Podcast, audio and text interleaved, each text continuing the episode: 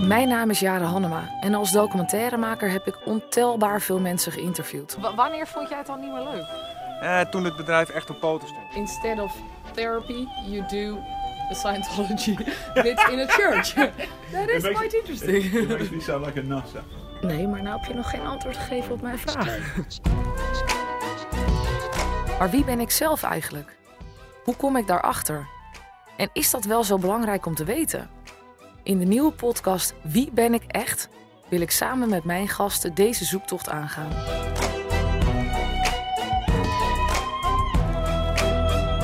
Welkom bij de tweede aflevering van Wie ben ik echt? Ik heb een hele leuke gast. Uh, ik ga vandaag praten met Johanna Nolet, een Haarlemse schrijfster, coach en blogger van haar eigen platform Geen Bekende Vrouwen, wat ik ooit met haar heb opgezet. We hebben samen veel gedeeld in de laatste jaren over onze persoonlijke zoektocht naar wie we zijn en ik ben benieuwd hoe Johanna er nu voor staat. Johanna is bezig met een bijzondere missie. Uh, zij geeft cursussen om vrouwen in contact te laten komen met eigen liefde en je goed te voelen in je lichaam, ook al heb je een maatje meer. Johanna post goud eerlijke blogs en schroomt geen enkel taboe. En een kleine voetnoot: ons uh, gesprek uh, heeft soms wat bulderende uithalen in dat wij zo hard moeten lachen. Dat je beter je volume nu alvast ietsje naar beneden kan zetten voordat je pijn krijgt aan je oren.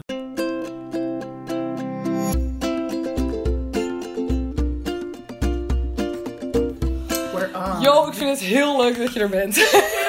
Zo leuk om hier te zijn. Wij gaan natuurlijk way back. Door ja. alles wat we al hebben gedaan in het verleden. Geen bekende vrouw. Wat jij succesvol hebt doorgezet. En we hebben ooit uh, events georganiseerd. Oh en weet ik wat we allemaal hebben gedaan. Ja. Maar puur ja. om eigenlijk dat we beide zo van die creators zijn volgens mij. Ja. En ik moest laatst ontzettend aan je denken. Omdat ik ben nu heel veel podcasts aan het luisteren. En ik luister de podcast van Oprah.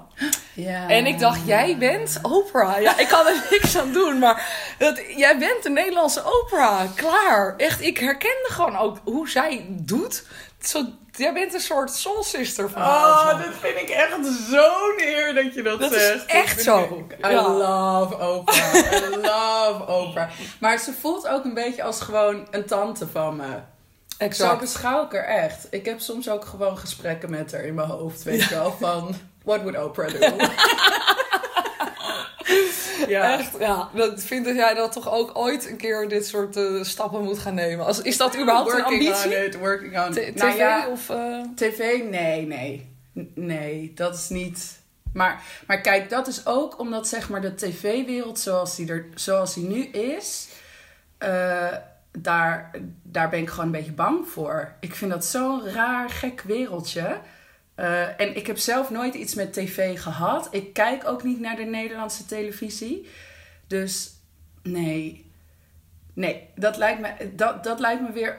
Voor mijn gevoel, om op tv te kunnen komen... zou ik weer op een eh, hele oude manier... eh, met ellebogen me daartussen moeten gaan werken... en mezelf moeten gaan overschreeuwen. En ik word gewoon al moe bij de gedachte. ja, snap ik. Daar, dat ga ik niet doen. Nee, het is inderdaad... Dus als ze eh, mij ooit een keer ergens voor willen hebben, dan sta ik er voor open. maar nee, het is in die zin geen ambitie. Ik Nee. heb daar niet mijn pijlen op gericht. Als ik, ik wil Oprah even goed kopiëren, want ik had één mooie vraag die zij altijd stelt aan mensen, beter goed gejat dan slecht bedacht. Wat is de ehm, les waar je het langst over hebt gedaan in je leven? Oh ja, dat vind ik ook altijd zo mooi. Jeetje. Jeetje. Of ben je nog bezig met iets? Hè? Ja, ongetwijfeld ben ik nog bezig. Ehm, ja, ik. ehm, Oké, ik wil hier even over nadenken. Er schiet sowieso meteen eentje in mijn hoofd. Eh, en dat is toch echt dat we allemaal goed zijn zoals we eruit zien. Dat is een soort van ongoing battle voor mij. Dat, weet je wel, dat komt gewoon door de schoonheidseisen die er zijn en hoe vrouwenlijven in de media geportretteerd worden. En daarin ben ik elke keer weer opnieuw, moet ik mezelf weer bij, weet je wel, bij de lurven grijpen om niet dat zel- zelfoordeel down the spiral te gaan, zeg maar. Omdat ik er niet uitzie zoals de meiden in de bladen eruit zien. Dus dat is, dat is natuurlijk ook iets waar ik heel erg voor sta. En ik zet me daarvoor in. Maar dat is echt omdat het een ongoing process is van mijzelf. Omdat ik mezelf keer op keer weer moet blijven overtuigen van dat ik goed ben, ook al ben ik dik. Dat ik mooi ben, dat ik sexy ben, dat ik aantrekkelijk ben en waardig ben, ook al ben ik dik. Nou, dat is, dat is Dus- een mooi. En ik denk dat ook als je niet... eh, nou, jij, ik, ik vind dik... Ja, oké. hey, ik noem het even zo. Eh, mensen die een normaal maatje hebben... vinden zichzelf ook dik. Of Ja. is er iets anders niet Klopt. goed. Dus ik denk het wel is dat het een altijd algemeen... een issue geweest. Ook toen ik maat 38 had, maar gewoon niet een strak buikje of zo. Het is Ja. altijd... Je, bijna niemand ziet er natuurlijk zo uit. Nee. Dus het, gaat, het gebeurt al heel snel, dat klopt. Ja, en het is toch wel een heel cliché, maar ik zie dat wel vaker als je naar vrouwen kijkt. De meest sexy vrouwen zijn toch echt de vrouwen die gewoon confident zijn met zichzelf. En, en no matter what, gewoon. het is zo aantrekkelijk. Maar ja. Ongetwijfeld. Dat is dus ook... eh, dat is dus ook het streven. Maar eh, eh, zelfvertrouwen kun je niet faken. nee, absoluut niet. Nee. Het moet echt ergens... Je moet ergens een, de bodem raken om, om vanuit op te kunnen bouwen, zeg maar. Ik heb wel, ik heb wel zelfvertrouwen geprobeerd te faken. Maar dat is... Ja, dan word je zo'n... ehm, eh, eh, wat, wat mij gebeurde is dat ik ging mezelf overschreeuwen. En ik was onbetrouwbaar. En ik, ik riep vooral dingen, maar... eh, ja, het had geen, het had geen basis. Ja, het was niet, niet helemaal zuiver, omdat je Nee. toch bepaalde hobbeltjes even overheen was gevlogen. Zeg ik was echt de onzekerheid aan het overschreeuwen. Ja. En omdat de podcast natuurlijk Wie ben ik echt eh, heet, heb jij een idee wie je bent? Ja, ik heb een gevoel, zeker. Ik heb echt wel een gevoel van wie ik ben. Het is ook niet echt uit te leggen, denk ik, toch? Want dat, dat doet, de woorden doen daaraan volgens mij tekort. En volgens mij kom je nooit ja, echt... of je eh, hebt, er heel veel, je hebt er heel veel nodig, Ja, denk ik. Ehm, of je kan het heel simpel zeggen en, en zeggen: Ik ben goed, of ik ben liefde, of ik ben. Weet je wel, dat is Ja. volgens mij hoe dichter je daarbij komt, dat je het juist misschien wel gewoon heel simpel kan zeggen. Hoe, hoe, hoe waarder het misschien wel is. ja, precies.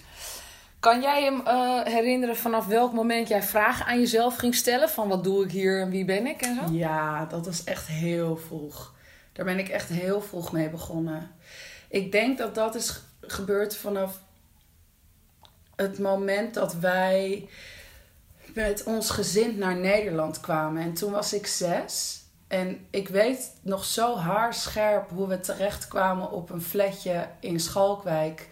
Tussen allemaal eh allochtone gezinnen. En we waren dan een van de weinige Nederlandse gezinnen, maar waren dan ook niet Nederlands. Eh, want ik sprak de Nederlandse taal niet eens. En we kwamen uit Portugal. Ehm, en, dat, en ik weet nog dat dat zo'n. eh, ik denk dat ik toen al een, een kleine identiteitscrisis heb gehad op mijn zesde. Omdat ik merkte dat, dat ik aan de ene kant superieur was aan eh, de andere kinderen. Dat waren allemaal ge- gezinnen uit Turkije en Iran en Marokko. En dat vond ik niet, maar zo werd ik behandeld. Ik was speciaal omdat ik een van de weinige blanke kinderen was. Maar als ik dan op school kwam, dan was ik weer de buitenstaander. Want eh, dan hoorde ik er niet bij. Want ik kwam ergens halverwege het jaar kwam ik in de klas. In een klas die al sinds de peuter-kleuter eh, klas bij elkaar was. Dus ik, ik switchte zo de hele tijd van...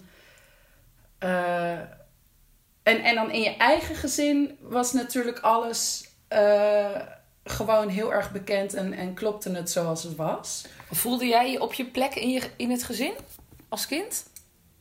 Ehm, ik denk als kleinkind wel. Als, toen ik ouder werd, begon dat een beetje te schuren.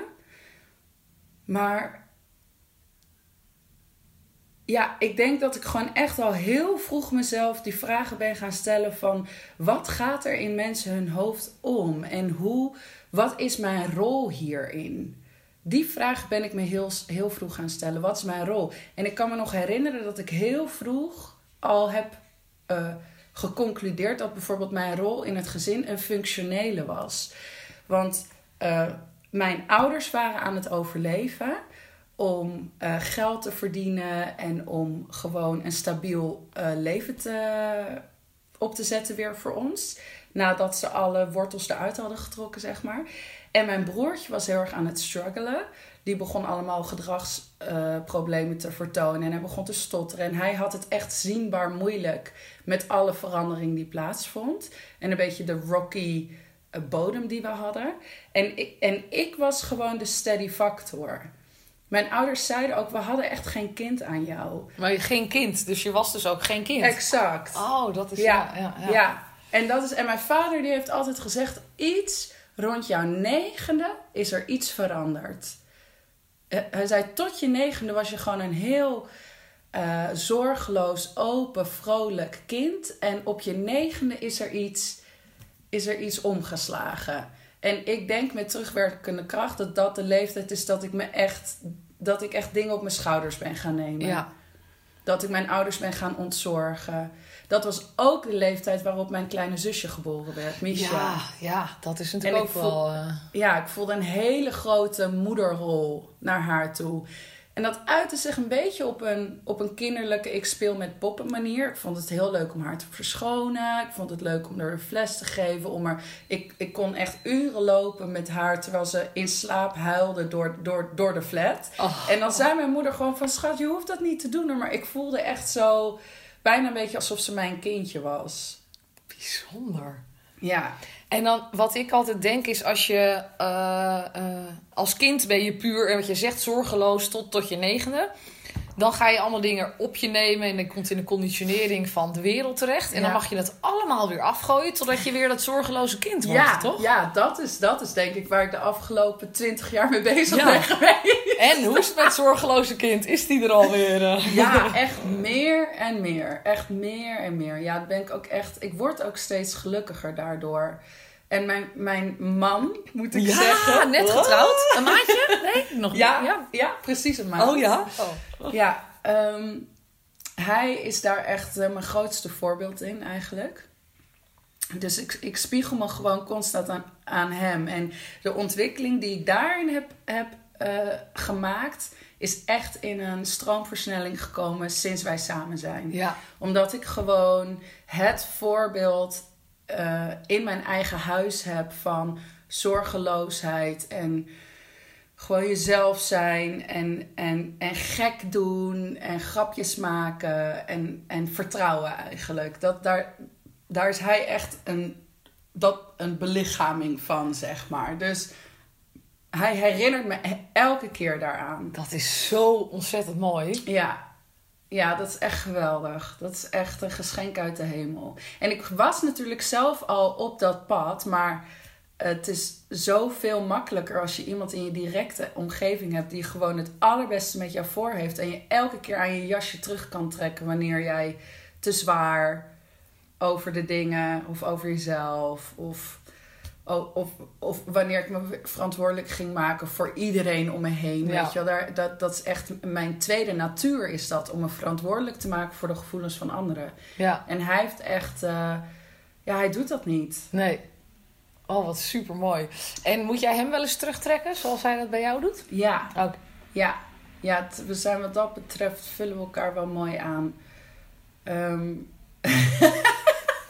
ja, hij, weet je, dat, dat zie je vaker bij mensen die heel erg in het moment kunnen leven. Die kunnen ook niet zo heel ver vooruit kijken. Oh ja, ja, ja. Eh, dus eh, ja, en, en we leven nou eenmaal in de Nederlandse maatschappij. En we zijn nou eenmaal onderworpen aan een heleboel regels en, en, en systemen. En wil je, wil je niet elke keer voor een soort van ehm, shitload aan, aan, aan tegen... Weet je, want dat kan ook gebeuren. Er is een soort, ik moet hier even de juiste woorden voor vinden, maar je kan zeg maar in het nu leven, maar je kan ook in ontkenning leven Ja, dat van ja, het andere wat er is. En dat Ja. is zijn valkuil. Ja, Dus dan heb ik het over rekeningen betalen, over zijn schoolwerk doen. Over, maar ook daarin heeft hij zo'n mooie ontwikkeling gemaakt in de laatste jaren. We hebben echt een beetje zo het middenpad gevonden samen. Super tof. Ja, super tof. ja dat is leuk. Over de maatschappij gesproken, wat vind jij ehm, eh, het lastigst van de maatschappij, hoe die nu gevormd is? Ehm, Het, het, het moeilijkst vind ik, denk ik, dat het allemaal al ehm, vast ligt. En dat je eigenlijk dat vanaf kleins af aan krijgt, meekrijgt van het hoort zo en zo. Als je al gaat kijken naar het onderwijs, weet je, ook ouders hebben daar zo weinig keus in. Ja, het verschilt een beetje van elkaar, weet je wel. Je kan of bij de antroposoof kan je gaan zitten breien in de extra uurtjes, of je kan op het Montessori ja, je eigen tijd indelen. Maar weet je wel, dat zijn minuscule uh, verschillen. Ehm, ik vind dat heel lastig dat, dat, dat onze voorgangers en andere mensen zoveel bepaald hebben over de manier waarop wij zouden moeten leven. En wil je daarvan vrijbreken, dan is dat echt heel erg moeilijk. Ik denk wel dat het echt een samenwerking is van iedereen. Want als je iedereen afzonderlijk vraagt: vind je de maatschappij helemaal perfect? Zegt iedereen nee.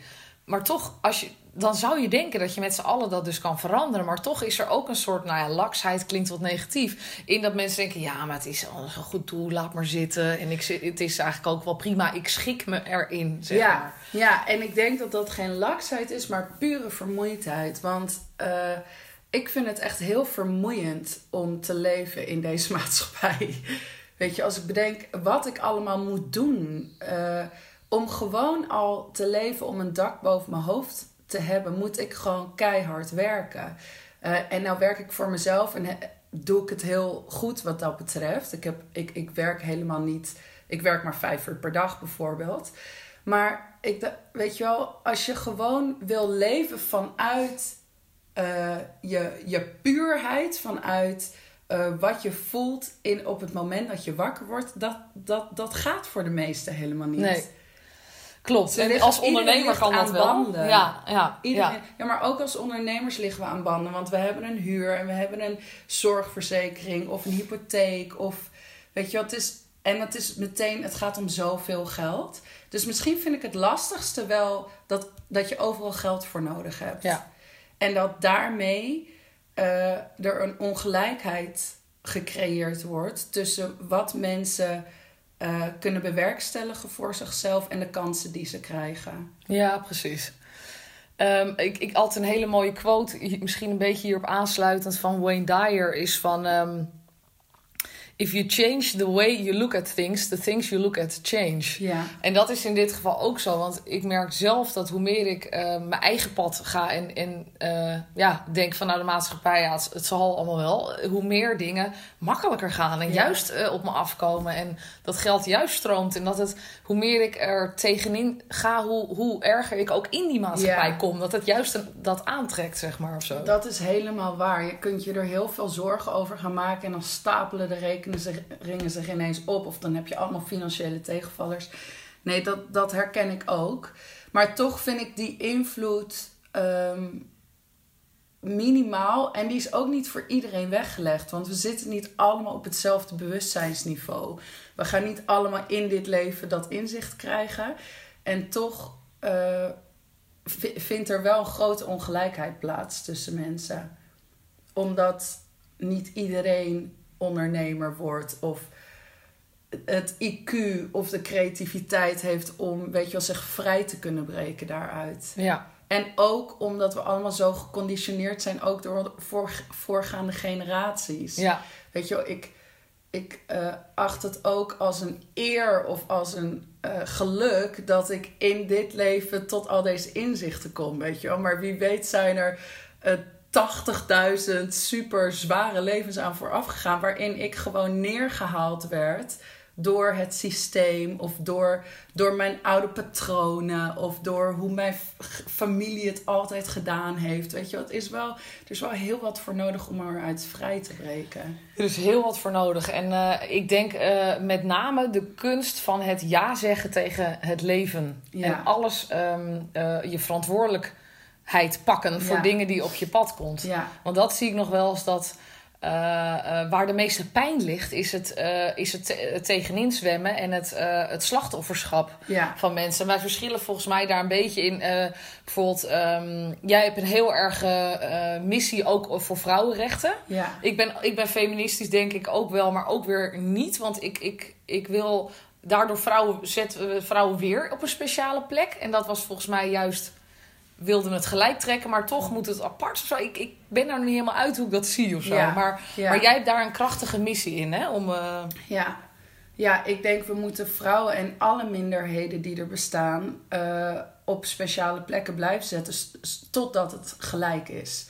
Dus zolang het ongelijk is, moet daar aandacht naartoe. Want we, het, het is puur een gedachtegoed die we met de paplepel ingegoten hebben gekregen. En daardoor moeten we dat elke keer, elke keer daar aandacht aan blijven schenken van dit is normaal voor ons, maar dat is niet normaal. Dat is gewoon wat we geleerd hebben Ja. gekregen. ja. En ik denk, ik, ik, ik denk dat ik kijk in het kader van je hebt pioniers en je hebt volgers. En als pionier is het denk ik jouw taak om echt op de bres te gaan staan voor minderheden.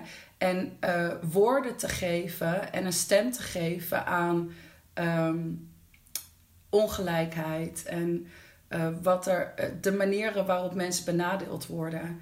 Omdat ze zelf nog niet in staat zijn om dat te doen. Mm, Oké.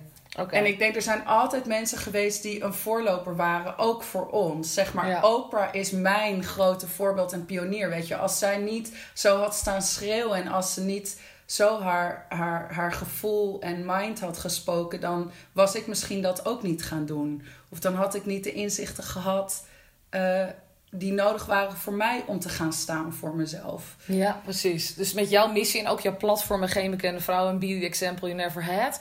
eh, zeg je ook, ik sta hier en mensen die het pad nog moeten... eh, Hè, volg Ja. mij, hè, dus maar even zo. Of in ieder geval ehm, Nou ja, Een inspiratie zijn. inspireren Ja. en activeren. Ja. Ja. Oké, mooi. Even iets heel anders. Ja. Ehm, eh, over inspireren, klein bruggetje naar creativiteit. Als ondernemer in ons werkveld heb je vaak... ja, soms je moet even iets bedenken en het kan niet altijd op commando. Hoe, hoe kom jij in je creatieve bubbel terecht? Ehm, ik heb wel mijn maniertjes daarvoor. Eh, wat sowieso een manier is, is om de dag te beginnen met sporten of yoga. Of een lekkere wandeling, dat kan ook. Een leuk gesprek met iemand. Ehm, of gewoon lekker aan het water gaan zitten met een kopje koffie. En een beetje staren, mensen kijken. Dus eh, ik, de manieren waarop ik mijn inspiratie, zeg maar, eh, aanzet, of waardoor ik geïnspireerd is, is, is vaak door beweging. Het, het stillen van mijn mind. Dat doe ik vaak door te bewegen. Of door juist heel erg het aan te wakkeren. Bijvoorbeeld in een gesprek met iemand. Ehm, ja, dat zijn Mooi. eigenlijk denk ik de manieren. En dan, komt, dan borrelt het altijd op. Dan gaat het gewoon borrelen.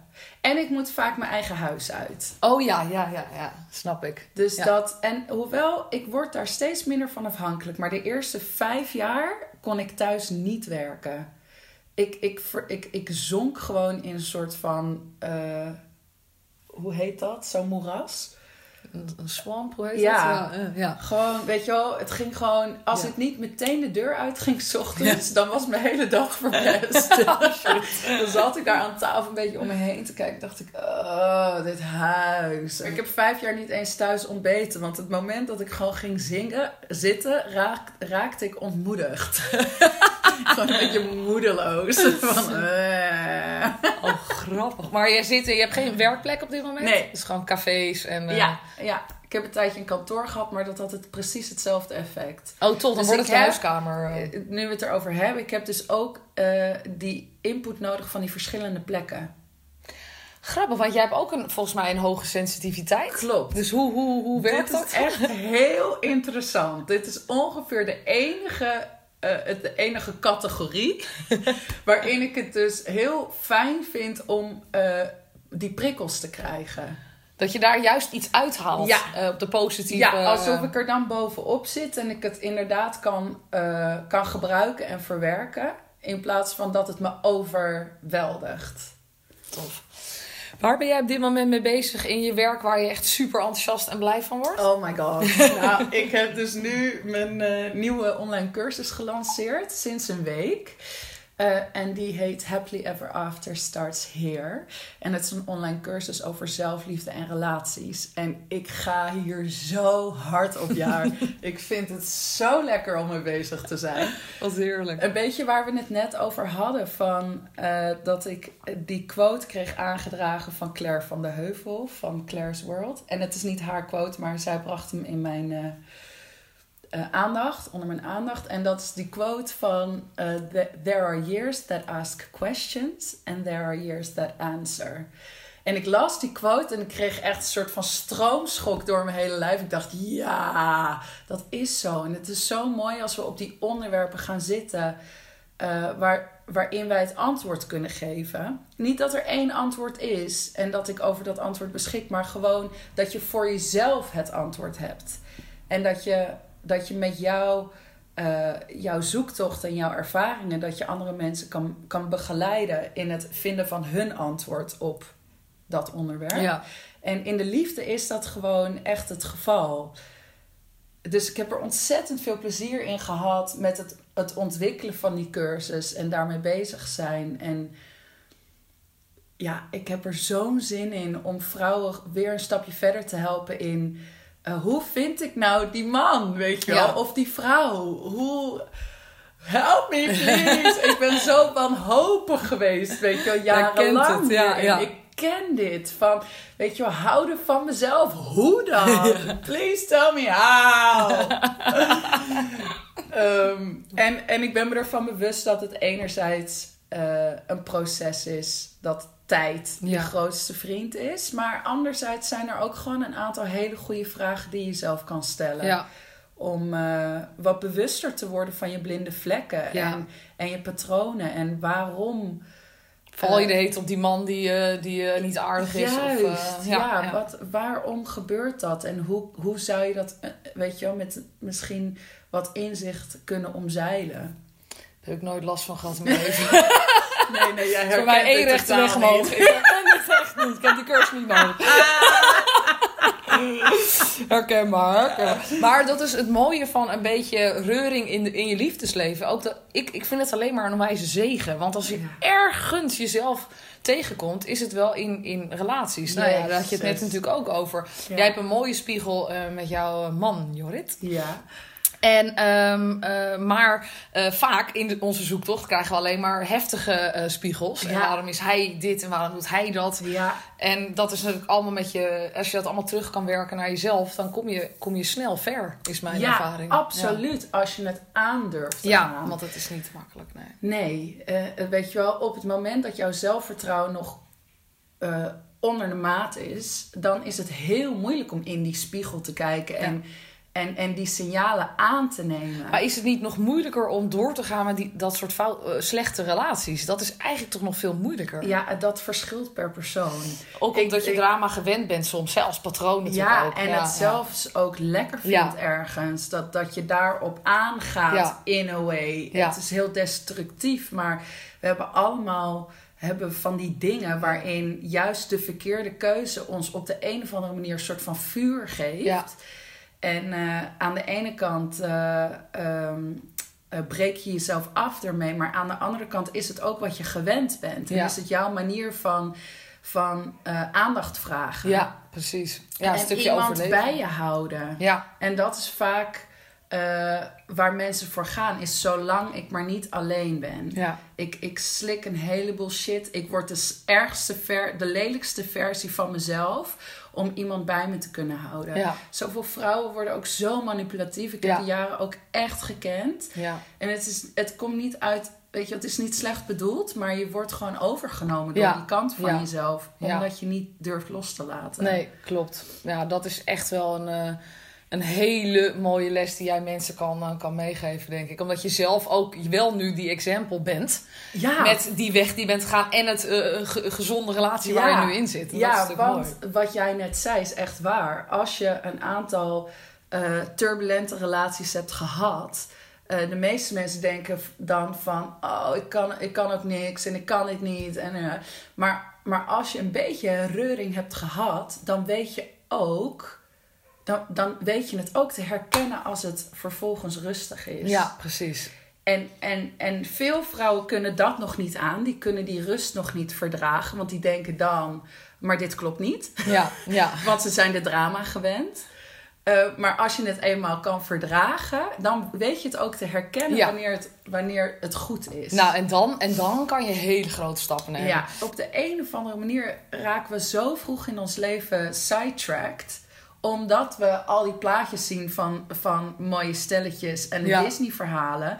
Lijkt het alsof, eh, weet je wel, het doel in het leven is om een relatie Ja. te vinden. En Terwijl is het het doel in het leven is natuurlijk om jezelf lief te Ja. hebben. Precies. En daaraan vast een relatie. Maar niet eerst een Als, relatie dat, en dan... als je dat wil, als je dat dan nog nodig hebt, weet Ja. je wel. Misschien wil je gewoon losse contacten hebben. Of wil je meerdere re- relaties. Of dat, dat, dat is natuurlijk niet het doel. Nee, nee, absoluut. Wel een beetje onbekend staat, vind ik, is door jouw ontzettende openhartige Hè? Bijvoorbeeld Ja. dat je in eh, ondergoed of zo hè, jezelf gewoon laat zien in, in Ja. jouw lichaam hoe, het, hoe, hoe jij bent. Ja. En dat heel veel mensen, ook al hebben ze maatje 2, 34, 36, whatever, dat dat zelfs niet, niet durven. Dus Ja. ook daar natuurlijk, eh, jij laat zien van wees er zoals je bent. Op het moment dat jij op die plek bent, dat jij jezelf in je ondergoed Ja. met maat 44, 46, want we hebben het niet over 38, zoals de meeste vrouwen die zich dik voelen.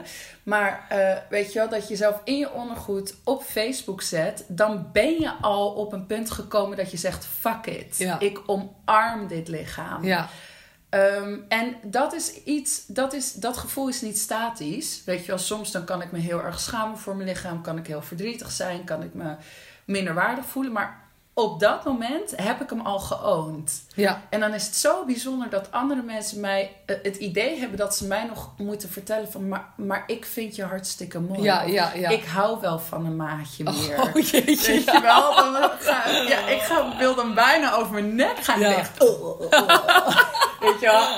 I don't, het, weet je wel? Want jouw oordeel doet er dus niet toe. Nee. Dat is wat ik hiermee probeer te Precies, zeggen. precies, precies. Andermans oordeel doet er niet toe. Het enige oordeel wat er toe doet, is dat van onszelf. Ja, echt. Oh, dat vind ik wel heel mooi. Maar, maar je, eigenlijk zeg je van als mensen je eh, eh, betuttelen of zielig vinden, Ja. is eigenlijk nog erger dan dat ze zeggen: Yo, dit kan niet en dan haal het eraf bij zo'n. Bijna wel. Maar want dan wil ik even een koppeling maken naar waar we het eerder over hadden. Ja. Is dat hè, de minderheden extra aandacht moeten. Dat vind ik soms ook namelijk een beetje betuttelende Betuttelend. neigingen hebben. Ja. En dat je iemand zegt, je bent een vrouw, dus ah, nou even we, we applaudisseren als je extra als jij opkomt of zo. Dat ik ook denk, nee, we moeten er, hoe normaler we ermee gaan doen, hoe normaler het ook allemaal wordt of zo. Maar dat is een beetje mijn gevoel. Ja, nou ja, het, je hoeft niet extra te applaudisseren. Je moet net zo applaudisseren, zoveel ap- applaudisseren als dat je een man applaudisseert. Ja, Eh, ik keek van het weekend een, eh, een ehm, comedy show van Ali Wong.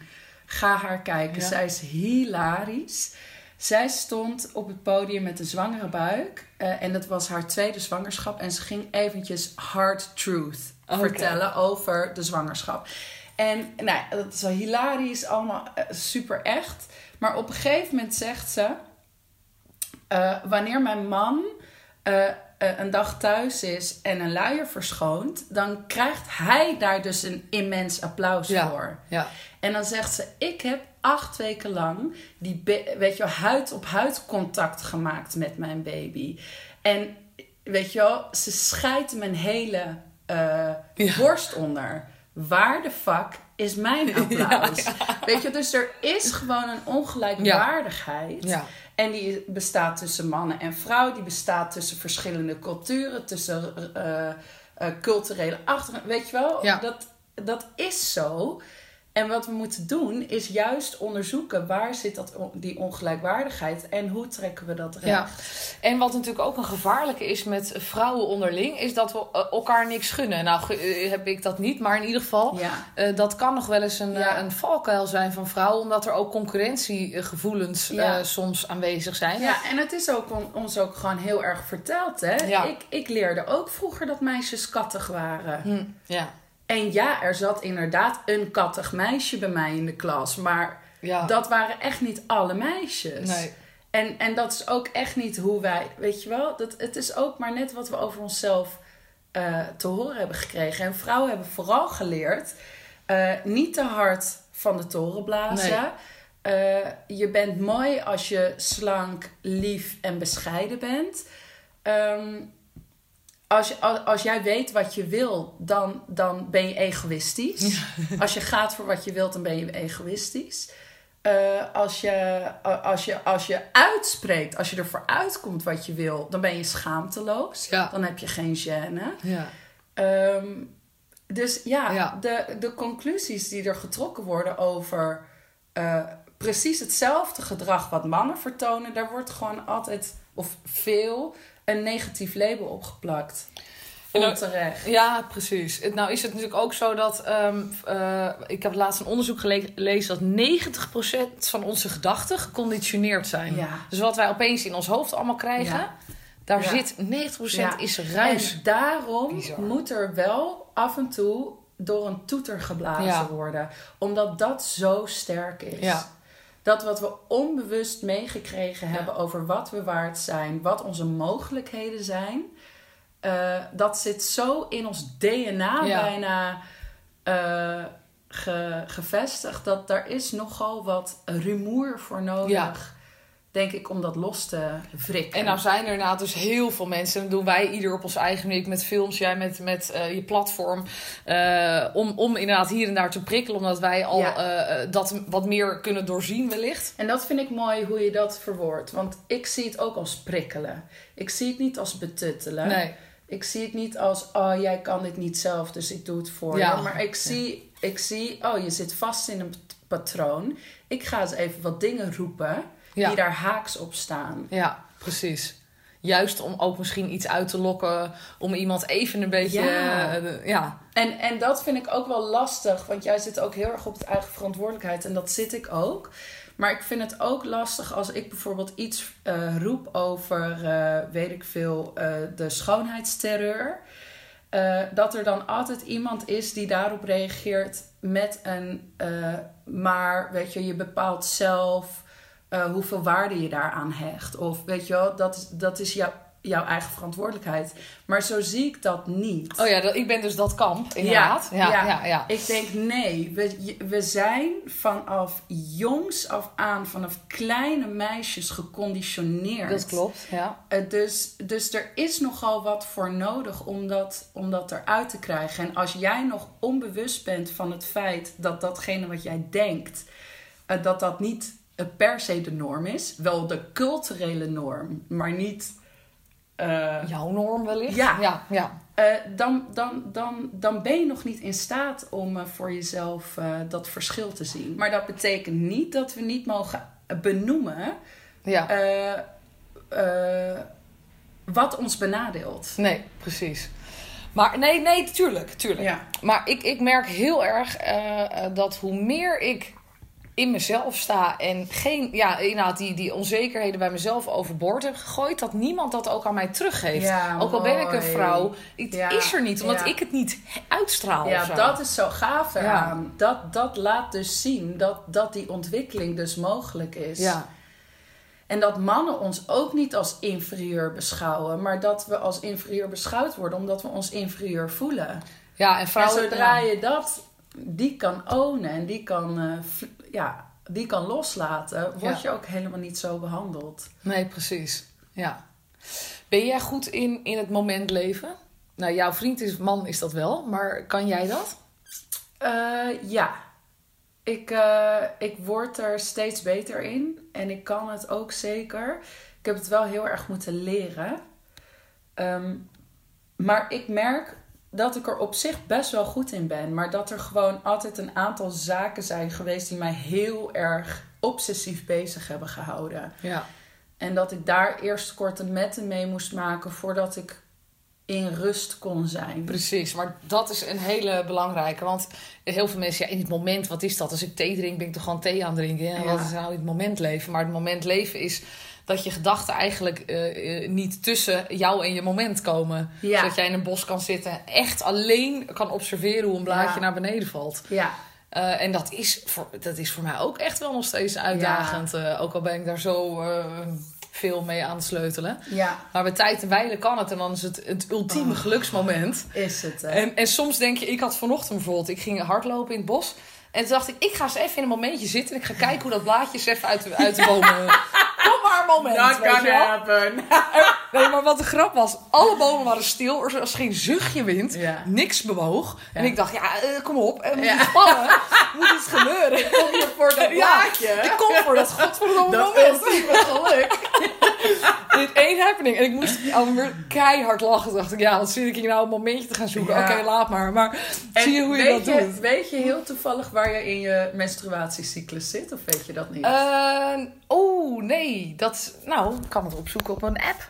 Want Ja. jij, ja, jij bent er veel mee eh, bezig. Ja, omdat het, het heeft enorme Ja? invloed op in hoeverre jij in het moment kan Echt? zijn. Ja, ja, onder andere. nog 19 dagen. Nog 19 dagen. Dus dat betekent dat je, ja, dan zit je in je meest onrustige week. Ja? Ja. Oké. En dat is ook een week waarin je heel veel focus kan hebben. Dus je kan wel jezelf, eh, je kan veel gedaan krijgen. Het is, het is meer een soort van eh, pam pam pam energie, weet ja. je wel. Gewoon lekker korte metten. Je kan een, een to-do lijstje lekker afwerken. Maar gewoon zitten met niks is heel moeilijk. En baseer jij ook je cyclus op je werkzaamheden gewoon met bijvoorbeeld afspraken? Zeker. Ik probeer er echt zoveel mogelijk rekening mee te houden. En dat gaat niet altijd. Maar dan is het bewustzijn alleen al is heel prettig. Dus dan weet ik, ik moet niet daar en daar gaan afspreken. Of ik moet het kort houden. Of ik moet even, weet je wel. Dus ik kan, ik kan het mezelf makkelijker maken. Het is inderdaad wel zo dat je als vrouw best wel een, een, een hormonale eh, eh, cirkel, eh, hoe zeg je dat, ratje rond moet Ja, trappen. zeker. Van allerlei verschillende gevoelens en emoties. Ja, en we zijn echt elke week een andere versie van Ja. onszelf. En dat is echt super gaaf. Ja. Dat is heel cool als je, je als je daar bewustzijn over krijgt. Over wat verhoogde kwaliteiten zijn per week. Ja. Want tijdens je menstruatie kan je dus heel goed in het nu leven. Dan, dan kan je heel makkelijk in een soort van naar een dieper niveau zakken.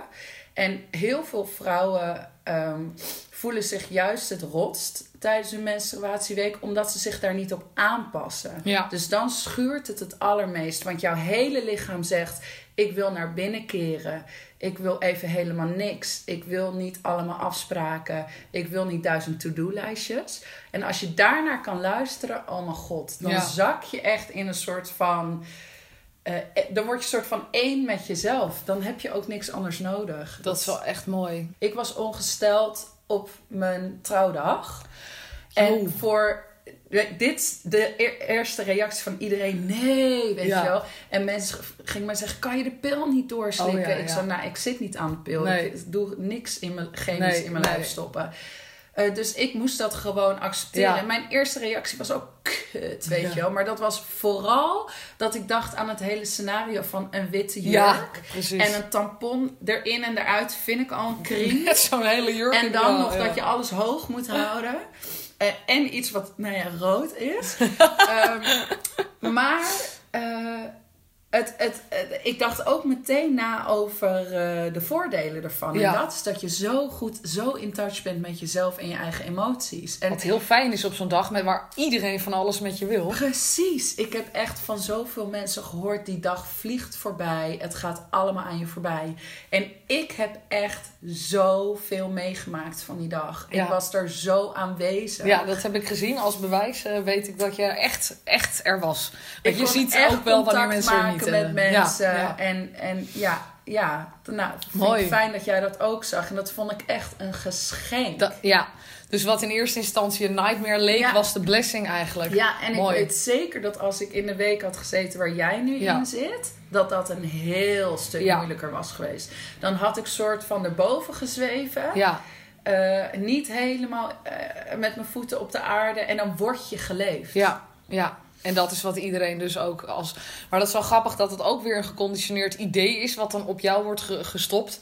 Van je trouwdag, oh, gaat allemaal aan je voorbij. En dan denk je ook, oh Ja. shit, gaat de trouwdag aan me voorbij? Nee, jij maakt jouw moment. Ja. Dat is los van wat Ja. iedereen daarvan ooit heeft bedacht. Dat is wel grappig, ja. Ja. Ehm, ik wil eigenlijk afsluiten met nog misschien dat jij een, een, een tip, ja, ja, een tip kan meegeven aan mensen die in de wie ben ik echt fase zitten. En dat is natuurlijk niet altijd even makkelijk. Lees jij bijvoorbeeld, heb jij een boek gelezen waar je denkt, nou als je dat leest, dan ben je er. Of ik heb die, dit en dit gedaan. Nou, ik heb toevallig zelf laatst een artikel geschreven en toen zei ik iets en ik dacht, nou, dat is echt een waarheid als een koe. dus ik ga gewoon een tip van mezelf geven. heel goed.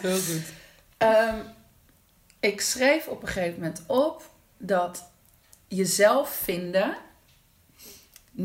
niets te maken heeft met zoeken, maar met luisteren.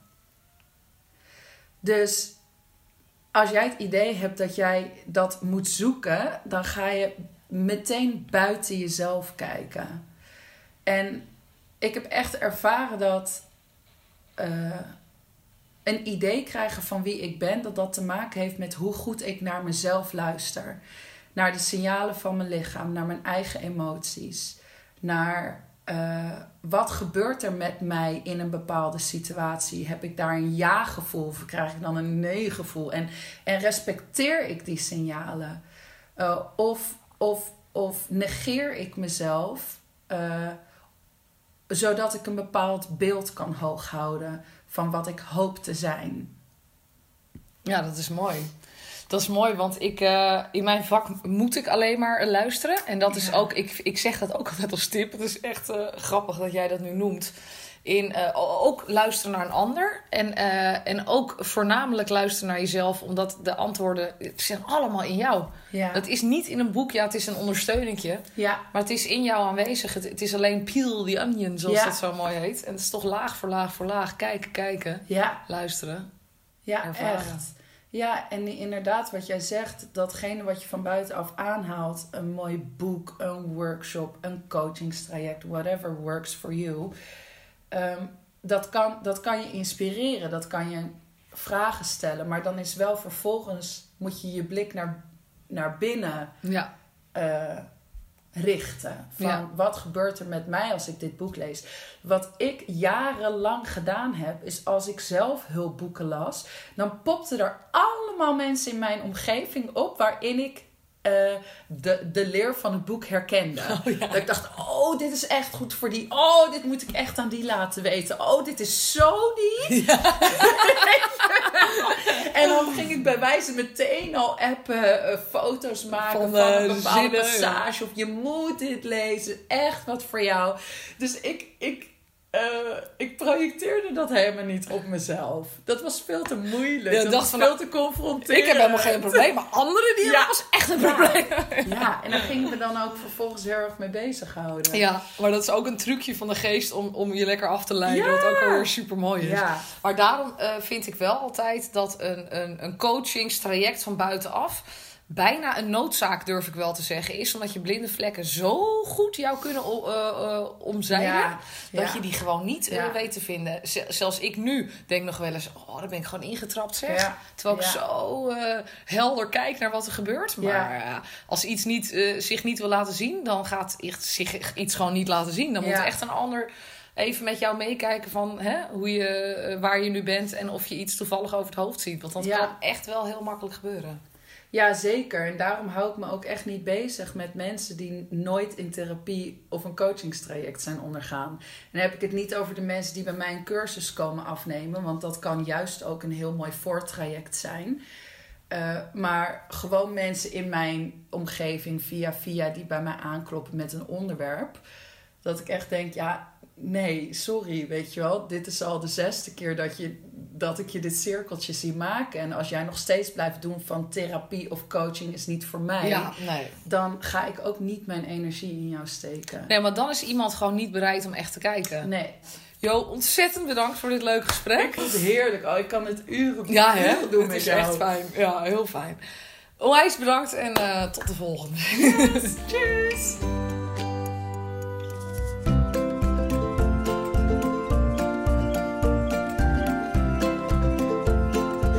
Bedankt voor het luisteren naar de tweede aflevering van Wie ben ik echt? Abonneer je op dit kanaal als je geen podcast wil missen en zo ben je ook op de hoogte van wanneer de volgende aflevering online komt. En als je het leuk vond, laat even een review achter. Tot de volgende.